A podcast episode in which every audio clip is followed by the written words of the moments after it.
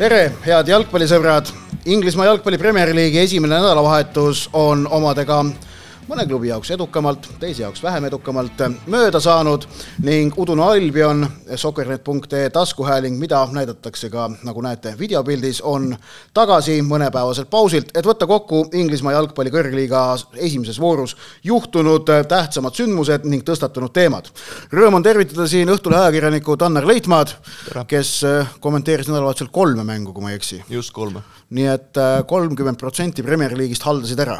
jaa, ma vaatasin kusjuures ka kahte mängu niisama vabatahtlikult, nii et selles mõttes, et pooled mängud on nähtud, äh, pooled tiimid on nähtud, aga noh, üldmulje on ikka selline, et äh, et kes seda helesinist pilve maha võtaks, see on kangelane lõpuks.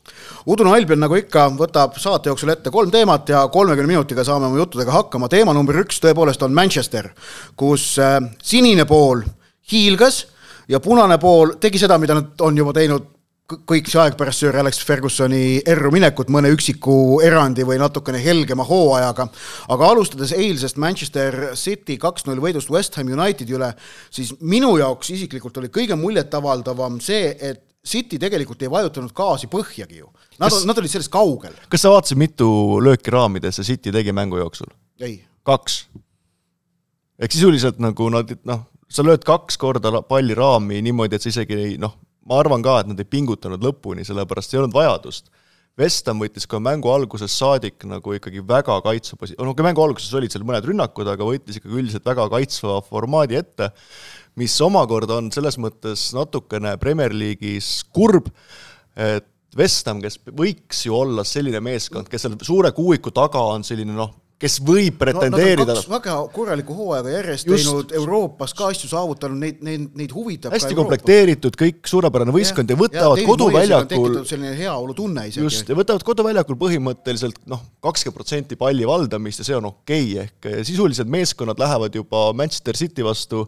noh, sellise lootusega, et no äkki kuidagi veame selle null-nulli välja või, või kontrast ühe korra midagi õnnestub või Ederson kogemata astub kuhugi valesti, mida juhtub väga harva aga see on ainus lootus või nagu eelmine aasta Crystal Palace suutis kogemata Etihadil võita, kui see äh, Aimeric Laporte seal natukene hakkas äh, asju, asju korraldama mm, -hmm. ehk siis äh,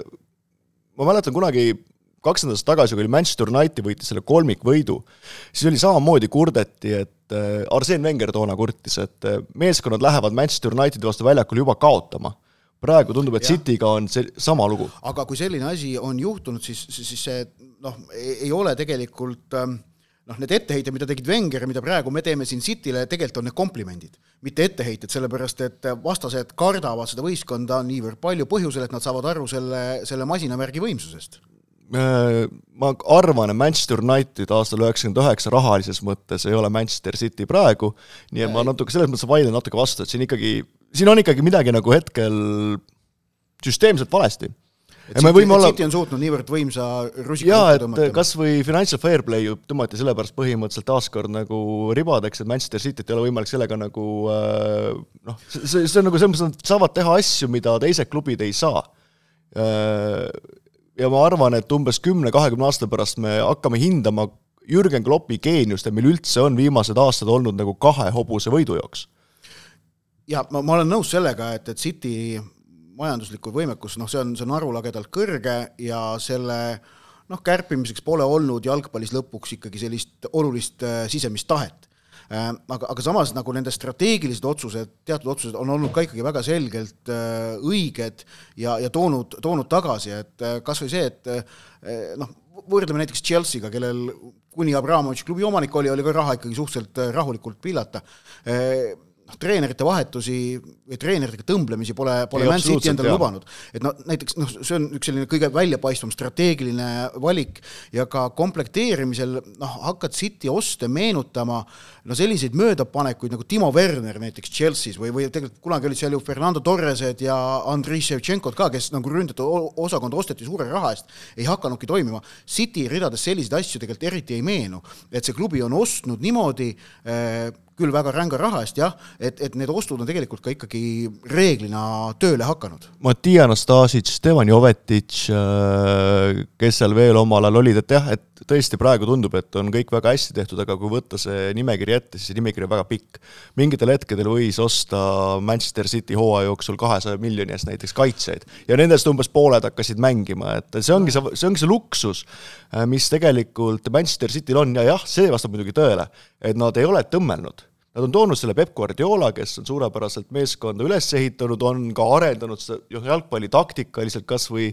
Joe Cancelo toomine vahepeal nagu äh, kaitseks poolikuks justkui mm -hmm. sealt mängu juhtima ja kõik, kõik muud asjad, mängida ilma puhta ründajata, noh. no nüüd enam ei ole vaja. nüüd tehti teistmoodi jälle, et selles mõttes Peep Guardiola on suurepärane treener, see on fakt, aga aga noh, see on ka üks näiteid, miks, kui me räägime nüüd Manchesterist kogu linnas, siis punase poole üks suur miinuseid on ju see, et sealt tõmmeldakse, kogu ja. aeg tõmmeldakse. et see, kui tuuakse sul uus peatreener, Den Haag, kes on vaieldamatult hea treener,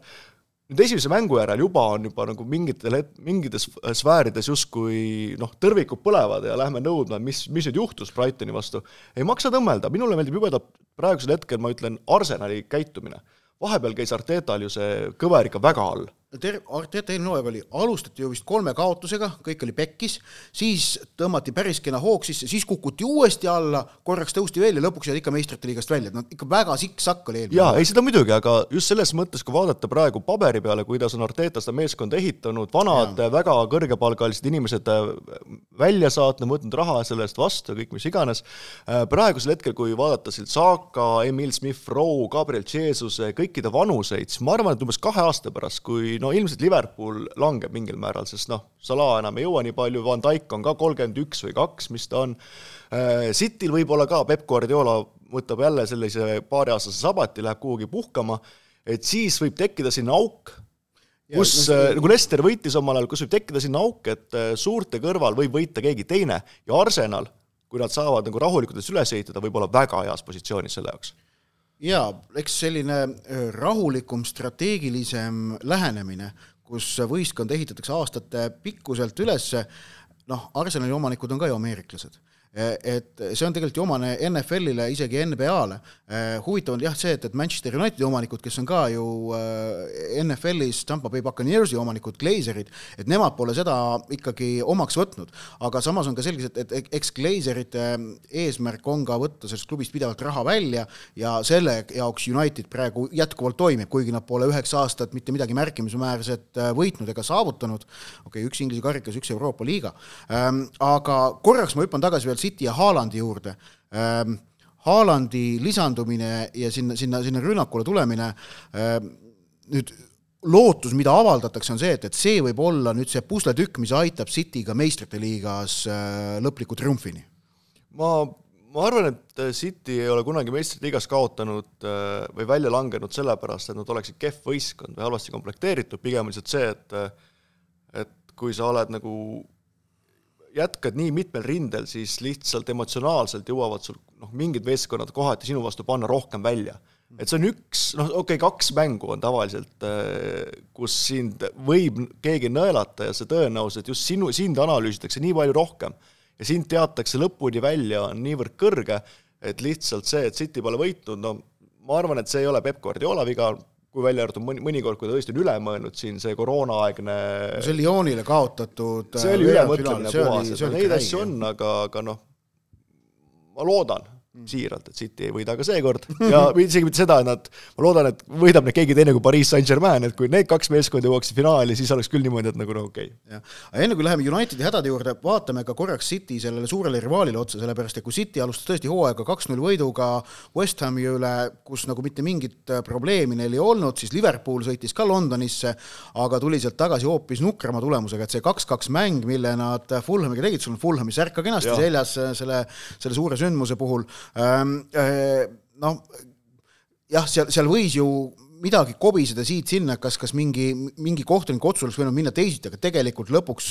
kuigi tõsteti esile see, et Klopp kurtis, et plats oli kuiv, siis tegelikult Klopp ütles väga palju ka muid otsekoheseid asju, et võistkonna esitus oli kaugel sellest standardist, mida äh, oleks olnud vaja näidata, pluss Thiago Alcantara vigastus äh, tõstis esile taaskord probleemi Liverpooli keskväljaga seoses. ehk et me oleme väga palju rääkinud alates äh, möödunud talvest ju Liverpooli edurivist ja kui nad tõid sinna Luis Diaz ja nüüd tõid Darwin Nunez'e, edurivis on nad äh, tekitanud valikut, neil on seal viis mängijat kolmele kohale, mis on väga normaalne mm. valik, aga, aga tuleb välja, et keskväli on äh, märksa haavatavam, eriti arvestades, et seal on, seal on pigem ikkagi kogenud mängijad, kellel võimalik, noh, kellel ei pruugi olla see kaks korda nädalas üheksakümmend minutit äh, niivõrd, niivõrd jala sees äh,. nii et, nii et see on nüüd koht, mis Liverpooli jaoks muret valmistab. no mulle meeldib alati tuua võrdlusi äh, telesarjadest ja ma tooksin, kui sa oled Breaking Badi näinud, kui ei ole, siis iga inimene peaks olema Breaking Badi näinud. Breaking Badi lõpp on selline kõige filigraansem sa räägi mulle lõpu ära. ei, ei, kõige filigraansem õnnestumine üleüldse, kuidas olla saab ja, ja isegi viimati on siin kritiseeritud, et see isegi on usutavuse jaoks natukene liiga perfektselt kokku minev pusletükk või pusle. et selles mõttes Liverpooli võit oleks nagu Breaking Badi viimane hooaeg. seal peab kõik klappima absoluutselt korrektselt, see peab City kukkuma kuskil kohas nagu korralikult läbi, kõik peavad olema terved Liverpooli poolelt, sest kui Cityl kukub ära Ruben Dias näiteks, no ei juhtu mitte midagi tegelikult. kui Liverpoolil kukub ära näiteks Van Dijk, kaos. Aleksandr Arnold, neil ei ole sellist mängijat sinna panna no,. Arnoldi pealt lõi, Arnoldi pealt lõi Mitrovic esimese värava, see näitas see, üks... ründefaasis võtaks Aleksandr Arnoldi ja. puudumine kõvasti vähemaks ja, või kui Salaga midagi juhtuks samamoodi. see üks-null värav näitas ära põhjuse, miks Trent Alexander-Arnold Inglismaa koondisest pigem ei ole põhikoosseisu mees. sest Gareth Southgate'il on vaja paremkaitsesse kaitsjat, kes kaitseb. absoluutselt. ja, nagu ja Trent Alexander-Arnold eelkõige ründab. ei, jaa, täpselt, aga noh, vaadates Liverpooli mängu, siis Alexander Arnold on väga oluline mängija, selles pole isegi küsimust no äh, eks ühesõnaga peab kõik, kõik klappima, kõik mängijad peavad olema terved, varumängijad peavad nagu tegema endast no enda tasemel või üle selle hooaja, Salah ei saa nagu mingit vormikõverat kaotada, sul peab kõik õnnestuma mm. -hmm. Manchester City võit oleks ju Game of Thronesi viimane hooaeg. sa tead, kuidas tuleb, sa tead, kes on peategelased ja sa tead, et nad lähevad lõpuni välja ja siis lõpus midagi nipe, nipa-napa juhtub ja kõikidel on igav et selles mõttes, et City lõpp oleks selline nagu noh, või City võit oleks selline mul on õnnestunud ka Game of Thronesist nagu hoiduda aga kuidas, kuidas saab sellist saada, kuidas ja, saab niimoodi elada mees? ma hakkasin paralleele välja mõtlema, mõtlesin siis niimoodi, et see Breaking Bad kõlab minu jaoks nagu mingi Ocean's Thirteen äkki. no põhimõtteliselt nagu, kui väga-väga nagu laia pintsiga tõmmata, siis midagi sellist jaa, aga sul, sul peab, sul peab lihtsalt klappima Liverpoolil äh, finantsmuskel pole selline meeskonda, sa ei saa nagu, sa pead nagu ründeliini, ründeliini panemine, sa pead lööma hästi palju väravaid, see on nagu no aga Liverpool on ka suurt raha kulutanud ikkagi. jaa, aga selles mõttes nad ei saa Mitte tuua kaitsesse mingi iga hooaeg kahesaja milli eest mängijaid, nagu Cityl mingi aeg sai, on ju. et kui Van Dijk välja võtta ja Trent Alexander-Arnoldiga ka midagi juhtuks, oleks nagu päris halvasti keskväljal, noh, Henderson oli vist kolmkümmend kaks, on ju, siis äh, Fabi-, Keita ei ole nii hästi sulandunud, Fabinho võib mängida ükskõik kus kohas, aga on ka selline nii-öelda noh, musta töö tegija, ehk kui sealt ka mingisugune, mingisuguse mängija selline noh, mingil hetkel ju tuleb mängijatel see vormilangus, lihtsalt füüsiliselt ei pea vastu enam vanus, vanusega ja mingil hetkel see võib juhtuda väga järsku ja kui midagi sellist juhtub, siis Liverpoolil pole hetkel veel sellist nagu ei ole nagu võtta lihtsalt venda nagu noh, City pani eile Calvin Phillipsi välja kaheks minutiks. Ja kellel nad tõid kuuekümne miljoni kuuekümne miljoni eest otse Calvin Phillipsi ja panete kaheks minutiks mängima, eelmine aasta Jack Grealish toodi saja miljoni eest, no vahepeal pani mängu, vahepeal ei pannud mängu, no see on nagu selles mõttes, et see nagu mastaapide vahe, keda on pingi peal ühel tuua ja teisel tuua, see on ikka päris suur. see on see nice to have asju on Cityl väga palju rohkem kui äh, nende rivaalidel. ja ma ütlengi, Liverpoolil peab õnnestuma kõik absoluutselt, kui äh, aga keegi teine peale Liverpooli ju Cityle vastu saada ei suuda. ma kahtlen, Chelsea'l on liiga, noh, Chelsea'l on praktiliselt terve kaitseliini ümber vahetanud äh,, Tottenham Hotspur, Antonio Conte on geenius. Seda, selle osas ei vaielda, aga see eeldab ka seda, et MM-il näiteks äh, Kane, Son ja Richarlison, kes on kõik enda meeskondade noh, absoluutselt põhitegijad mm. -hmm. kui nemad tulla, lähevad sinna heas vormis, tulevad tagasi täiesti väsinult, siis no kellega sa mängid? Lukas Mooraga või? Unitedis ka veel kaks sõna, kuule, meil esimene teema oli Manchester jätkuvalt on, et, et äh, Unitedi eilne kaotus Brightonile üks-kaks, kus Pascal Gross avapoolel kaks väravat lõi ja noh, Unitedi täieliku peataoleku ära kasutas, et, et see nagu tõi äh, meelde jälle reaalsuse, kuna siin hooajalised kontrollmängud olid Unitedil sujunud isegi ootamatult hästi ja, ja oli tekkinud mingi selline kerge positiivne vibe isegi, aga siis pärast eilset seda kaotust äh, muidugi toodi esile, et, et aga jah, muidugi tasub arvata seda, et kui sul üheteistkümnest mängijast üheksa on needsamad, kes on just hakkama saanud klubi äh, lähimineviku ajaloo kõige kohutavama hooajaga, siis muidugi äh, tasub loota suurt muutust, et tegelikult Unitedis on, on kõik need vanad vead jätkuvalt ju alles, mängijate kvaliteet äh, mitmel positsioonil on ikkagi väga, väga lappes ja seda noh, sidusust, võistkonna sidusust ikkagi endiselt ei ole. minule eilses mängus hakkas ikkagi silma see, kuidas äh, noh, tegelikult noh, kohati isegi prooviti keskele, vastase võistkonna keskele sööduga oma mängijaid leida aga nende õnnestumisprotsent oli neetult kehv, ei Fred, ei Scott McTominay, no Erikson siin eriti ei roninud, ei suutnud sealt palli omaks võtta ja seda siis jagada, millega sa saaksid vastast ju noh, positsioonidelt lahti ja hai, ha, hajuli tõmmata ning sellega tekitada vastase äh, selles mängu, selles noh, kaitseformatsioonis mingeid avavusi, kuhu söösta. et kui, kui, kui, kui vastane saab niimoodi suht staatiliselt äh, kaitses olla sel hetkel, kui sa ründad, siis tal ongi lihtsam kaitsta, sellepärast et noh, sa ei pane teda isegi liikuma ja noh, United jätkuvalt ähm, noh, plass, väga plass. no eelmine aasta ma ei mäleta, kes see peatreener oli, kes ütles, et Unitedi vastu on väga raske ette valmistada, sellepärast et äh, sul pole õrna aimugi, mis nende plaan on. -hmm. et arvata tõesti, et toome uue peatreeneri, küll paneme need mehed mängima, siis tänapäeva jalgpallis sa lõpetadki kuuendal kohal sellega ja võib-olla noh, heal juhul karikas jõuad ka kuhugi, kuule, Gunnar Sulsser vaatas, ahah, et kontratega mängime, mängiti kontratega. või noh, kui praegu saadi hõbe, saadi tunamullu hõbe jaa, mis oli täitsa okei okay,, et nagu noh, Liverpoolil muidugi läks Van Dijk katki, on ju, ja kõik muud asjad, mis seal olid, aga noh, ikkagi midagi saadi kätte. ei no praegu sa vaatad seda, et United sai tunamullu hõbeda, et see on nagu noh, pakutaks praegu neljandat kohta, United peaks praegu noh, selle kohe nagu pimesi vastu võtma. ei, absoluutselt, aga nagu see ongi nagu täpselt selline, et äh, nad peavad arvestama sellega, et nad ei ole enam meeskond, kes saab endale kõiki mängijaid, mida nad tahavad. see, kui nad praegu Marko Arnautovitši otsivad kuskilt wow. äh, Itaalia Serie E keskmike, või Serie A, vabandust, keskmike hulgast, või siis Benjamin Sesko, kes on üheksateistaastane äh, RB Salzburgi mees, siis no tegu on natukene noh, paanika, paanika, paanika nagu osakond, absoluutselt. et see ei ole geniaalne lüke, nagu Ferguson kunagi tegi, kui tõi talveks Henke Larssoni laenule, mis oli tõesti geniaalne lüke, vaid praegu Arnautovitš on tõepoolest paanikalüke, et noh, et sa Austria koondise vananenud ründaja Bolognast, mida, no, no see ei ole Unitedi tase. Või, või tähendab, tähendab, see ongi nüüd Unitedi tase ja see näitab seda, et see tase on, on madal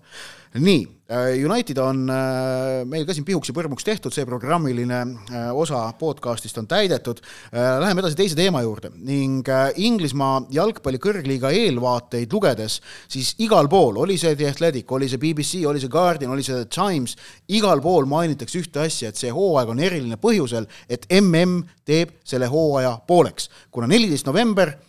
mängitakse kuueteistkümnes voor ja siis on kuus nädalat pausi, järgmised mängud on kahekümne kuuendal detsembril ehk et jõulu teisel pühal. sinna vahele jääb MM-finaalturniir, noh, ette selle taha väikesed hingetõmbeajad ähm, ja, ja arutletakse selle üle, kuidas see nüüd seda hooaega võib mõjutada, kellele ta kasuks võib äh, tulla ning ähm, Viaplay Premier Panel on selline saade kokku pandud Viaplay's, kus siis äh, endised äh, Premier League'i staarid, Jaap Stam Hollandist ja Man Unitedi taustaga, Fredrik Ljungberg Rootsist ja Arsenali taustaga, taustaga ning Jesper Grönkjär Taanist ja Chelsea taustaga arutavad asju ja, ja nemad hooaja eelvaates mainisid, üks asi, mis, mis nagu võib mõjutama hakata, on see, et kõik mängijad tahavad minna MM-ile eh, väga heas vormis, sellepärast et nad kõik saavad aru, et see on noh, see on ainulaadne võimalus, see on kõige tähtsam võistlus jalgpallurite jaoks. ja et kas see võib hakata mõjutama just neid viimaseid nädalaid enne MM-i, kus keegi ei taha riskida vigastada saamisega? no selles mõttes mõlemal, selle mõlemal tipp noh, kas nüüd tipptiimist, no sa võib öelda, et kaks tipptiimi on jaa, me võime öelda, jah. Äh, Haaland ei lähe MM-ile, Salah ei lähe MM-ile äh, nagu sa enne ütlesid, Trent Alexander-Arnold sellepärast Inglismaa koondises ei mängi, ma arvan, et Liverpooli fännid, kes kogu aeg hädaldavad, et miks küll äh, Gareth Southgate selliseid valikuid teeb, olge õnnelikud. selles mõttes, et Trent Alexander-Arnold, noh, isegi kui seal Dohas istub, siis noh, võtab päikest rahulikult ja vaatab parimast reast, kuidas kaaslased mängivad, on ju et Reece James mängib, jah. Reece James mängib või no Trippier tegelikult äh, Trippier võib ka pakkuda seal Kyle enne Walker karistus, võib mängida, jah. karistuslöökide kõigega mingeid variante, et selles mõttes, et kõik on väga hästi, on ju, no kuule, kus võib, kus alati välja toodi, ma lugesin enne, enne siia tulekut Guardiani neid eelvaateid, toodi Tottenham Hotspur, et seal võib tõesti raske olla, Höiber keskelt, on ju, siis äh, ründekolmik Richarlison äh,, Kane ja Son, no okei okay,, Kulusevski ei mängi, vähemalt niigi palju õnne, on ju, aga selles mõttes, et tegelikult me ei tea keegi, mis juhtuma hakkab, tege-, täitsa ausalt. Me võime Ja spekuleerida ja tegelikult noh, time management, mida NBA-s kasutavad juba mõned klubid päris pikka aega, et mingeid mängijaid hoida, siis äh, see on kohati isegi naljakas olnud, kuidas City ja Liverpool kogu aeg kurdavad, et meil on nii palju mänge ja siis eelmine aasta ju näiteks Peep Guardiola mingi aeg protestis, et ei teinud vahetusi. et äh, ma tahan viit vahetust, aga ma ei, kui te ei anna mulle, ma ei tee ühtegi. Ehk siis äh, neid valikuid peab tegema ja siin tulebki see, et kus see pink äh, on pikem, aga muidugi küsimus on selles, kuidas mängijad tagasi tulevad. Jah, üks asi, kuidas mängijad tagasi tulevad, millal nad tulevad, et tegelikult on räägitud sellest, et näe, kuus nädalat äh, on pausi, kus ja sel ajal on MM, et MM kestab seal kuu aega. tegelikult mängijad, kes kuuluvad koondistesse, mis langevad välja kaheksandikfinaalides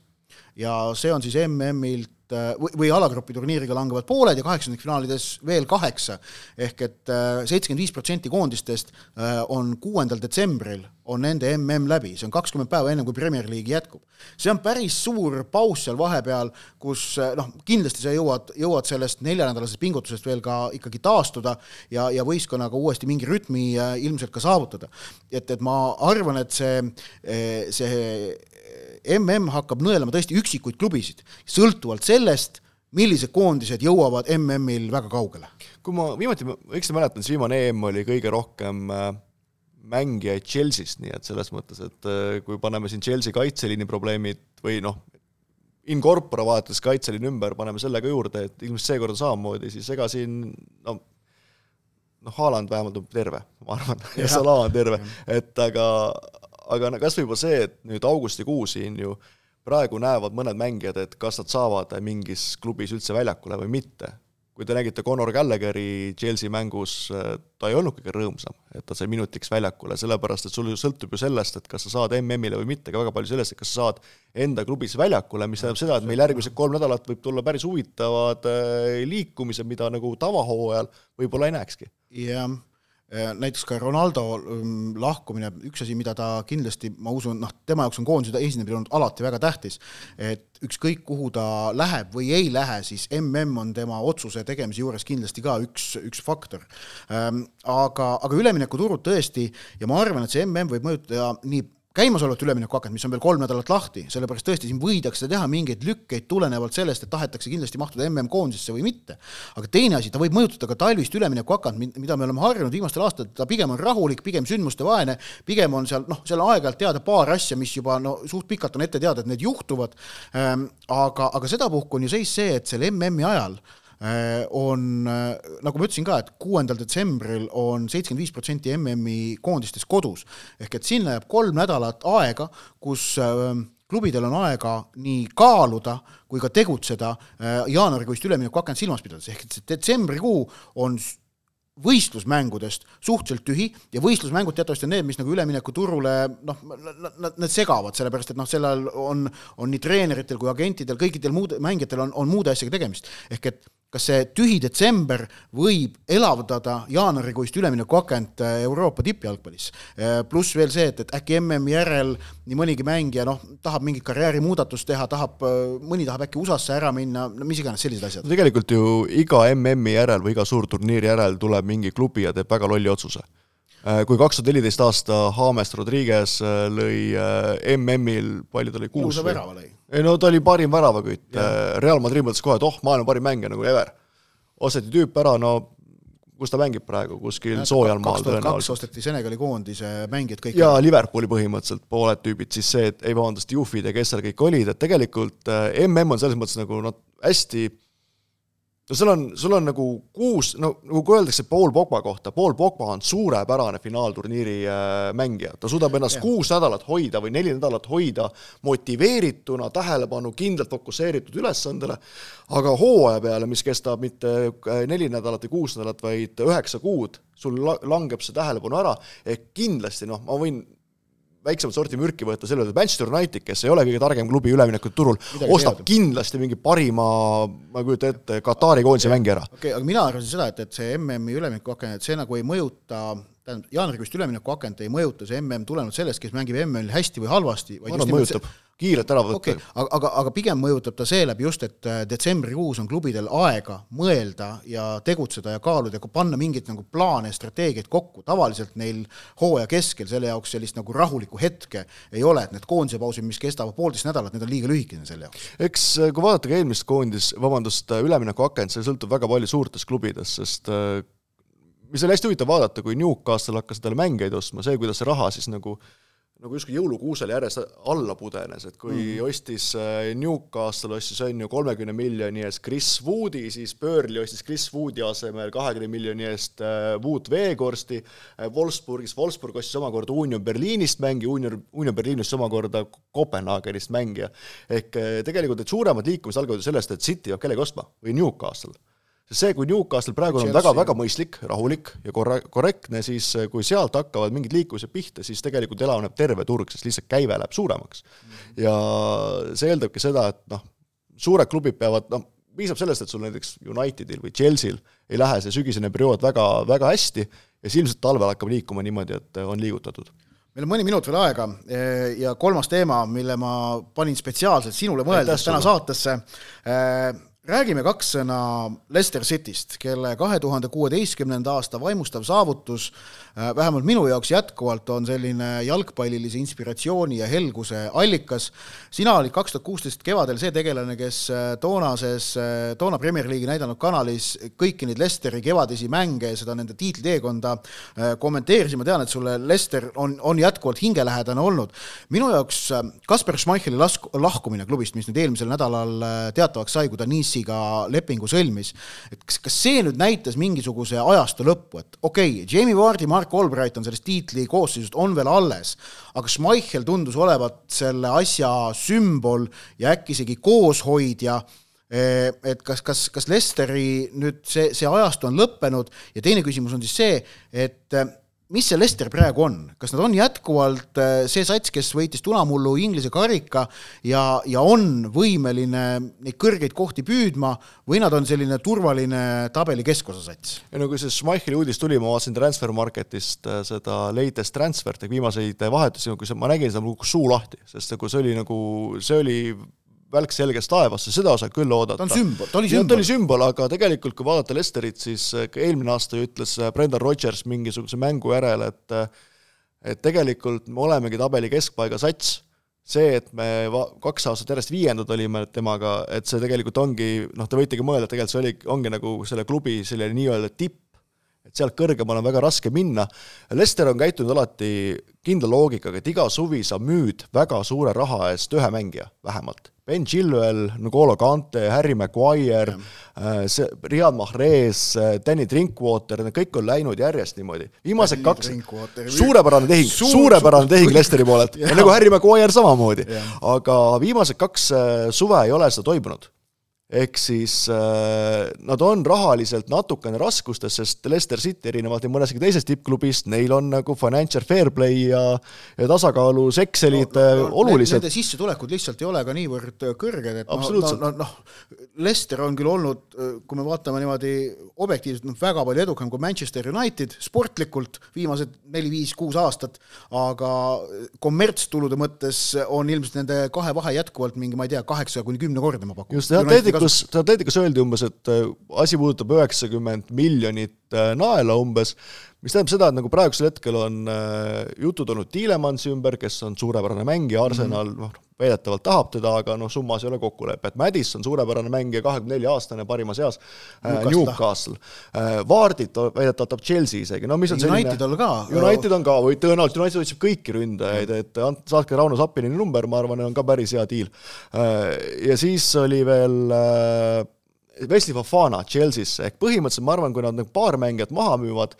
kindlasti väga suure raha eest, no see pole isegi küsimus, Fofana maksab umbes, ma ei tea, kaheksakümmend miljonit naela vähemalt praeguse turu alla viiekümne nad ei müü kedagi, on ju. absoluutselt, ja siis, siis selle pealt hakata jälle noortesse panustama, ma arvan, selline vahehooaeg. Ja siis sõltub juba kõik sellest, et kas see läheb jälle täkke. sest kui Lester võitis järgmine aasta olid nad ju praktiliselt seal relegatsioonitsooni juures. Ja. ja siis kõik ütlesid, et noh, nüüd on kõik, nüüd kukub, aga nad tulid uuesti ja tulid mitte ainult üheks korraks, vaid tulid kaheks aastaks. ja väljakukkumistsiooni lähedal. jaa, täpselt, aga nagu ikkagi nad suudavad jälle ja jälle seda targalt teha ja minu mälu järgi oli nagu üks väheseid meeskondi, mis äh, suudab nagu noh, nad ei tooda kahjumit, nad on pidevalt kasumlik äh, klubi, mis tähendab seda, et nagu tegelikult kui vaadata nii mõndagi teist äh, nii-öelda keskmikust, nad on väga heas stabiilses kohas. ja ma usun, et see on ka Lesteri, kui te nüüd ajalugu vaadata, kõige olulisem, et sul on nagu kindel stabiilsus, et sa ei pea kartma seda, et, et noh, äkki kukume välja, ma arvan, seda ei juhtu aga mis praegu hakkab saama Lesteriga, ma ei oska öelda, eilne mäng oli no nii vastuoluline kui olla saab, alustati suurepäraselt, kaks-nullini oli nagu see mäng oli imeline. no rünnati postid lati, mis siis tuli teine poolaeg. siis tuli teine poolaeg äh, ja mingil hetkel Brenda Rodgers keeldub vahetusi tegemast. ja, ja meeskond kukub kokku. ma ei saa aru, mis juhtus. vaatas eelmine hooaeg Peep Guardiola mänge. jah, noh täpselt, aga, aga selles mõttes nagu ma arvan, et Leicester City ei ole halvas kohas, ma arvan, et nad ei Püriga siin, no hea, kui nad kümnendaks saavad, põhiline ongi see, et mis saab järgmise kahe aasta jooksul, ma arvan, Kaspar Schmeicheli mineku põhjus oli tegelikult see, et nad peavad enda palgaraamatu üle vaatama, vaieldamatult Kaspar Schmeichel, tema teened, kõik muud asjad, ta oli ilmselt üks kõrgema palgaga mängijaid seal. vot, sellised olid Uduse Albioni jutud. Täna, kaheksandal augustil, Premier League'i esimene voor on vaadatud, kes meil üldse liider on, kõige parem väravate vahe on Tottenham Tottenham on liider. noh, sellise lõpuni välja. sellise, sellise omapärase seigaga ongi paslik Uduse Albioni teine episood lõpetada, nädala pärast oleme tagasi ning taas jutud Inglismaa jalgpalli kõrgliigast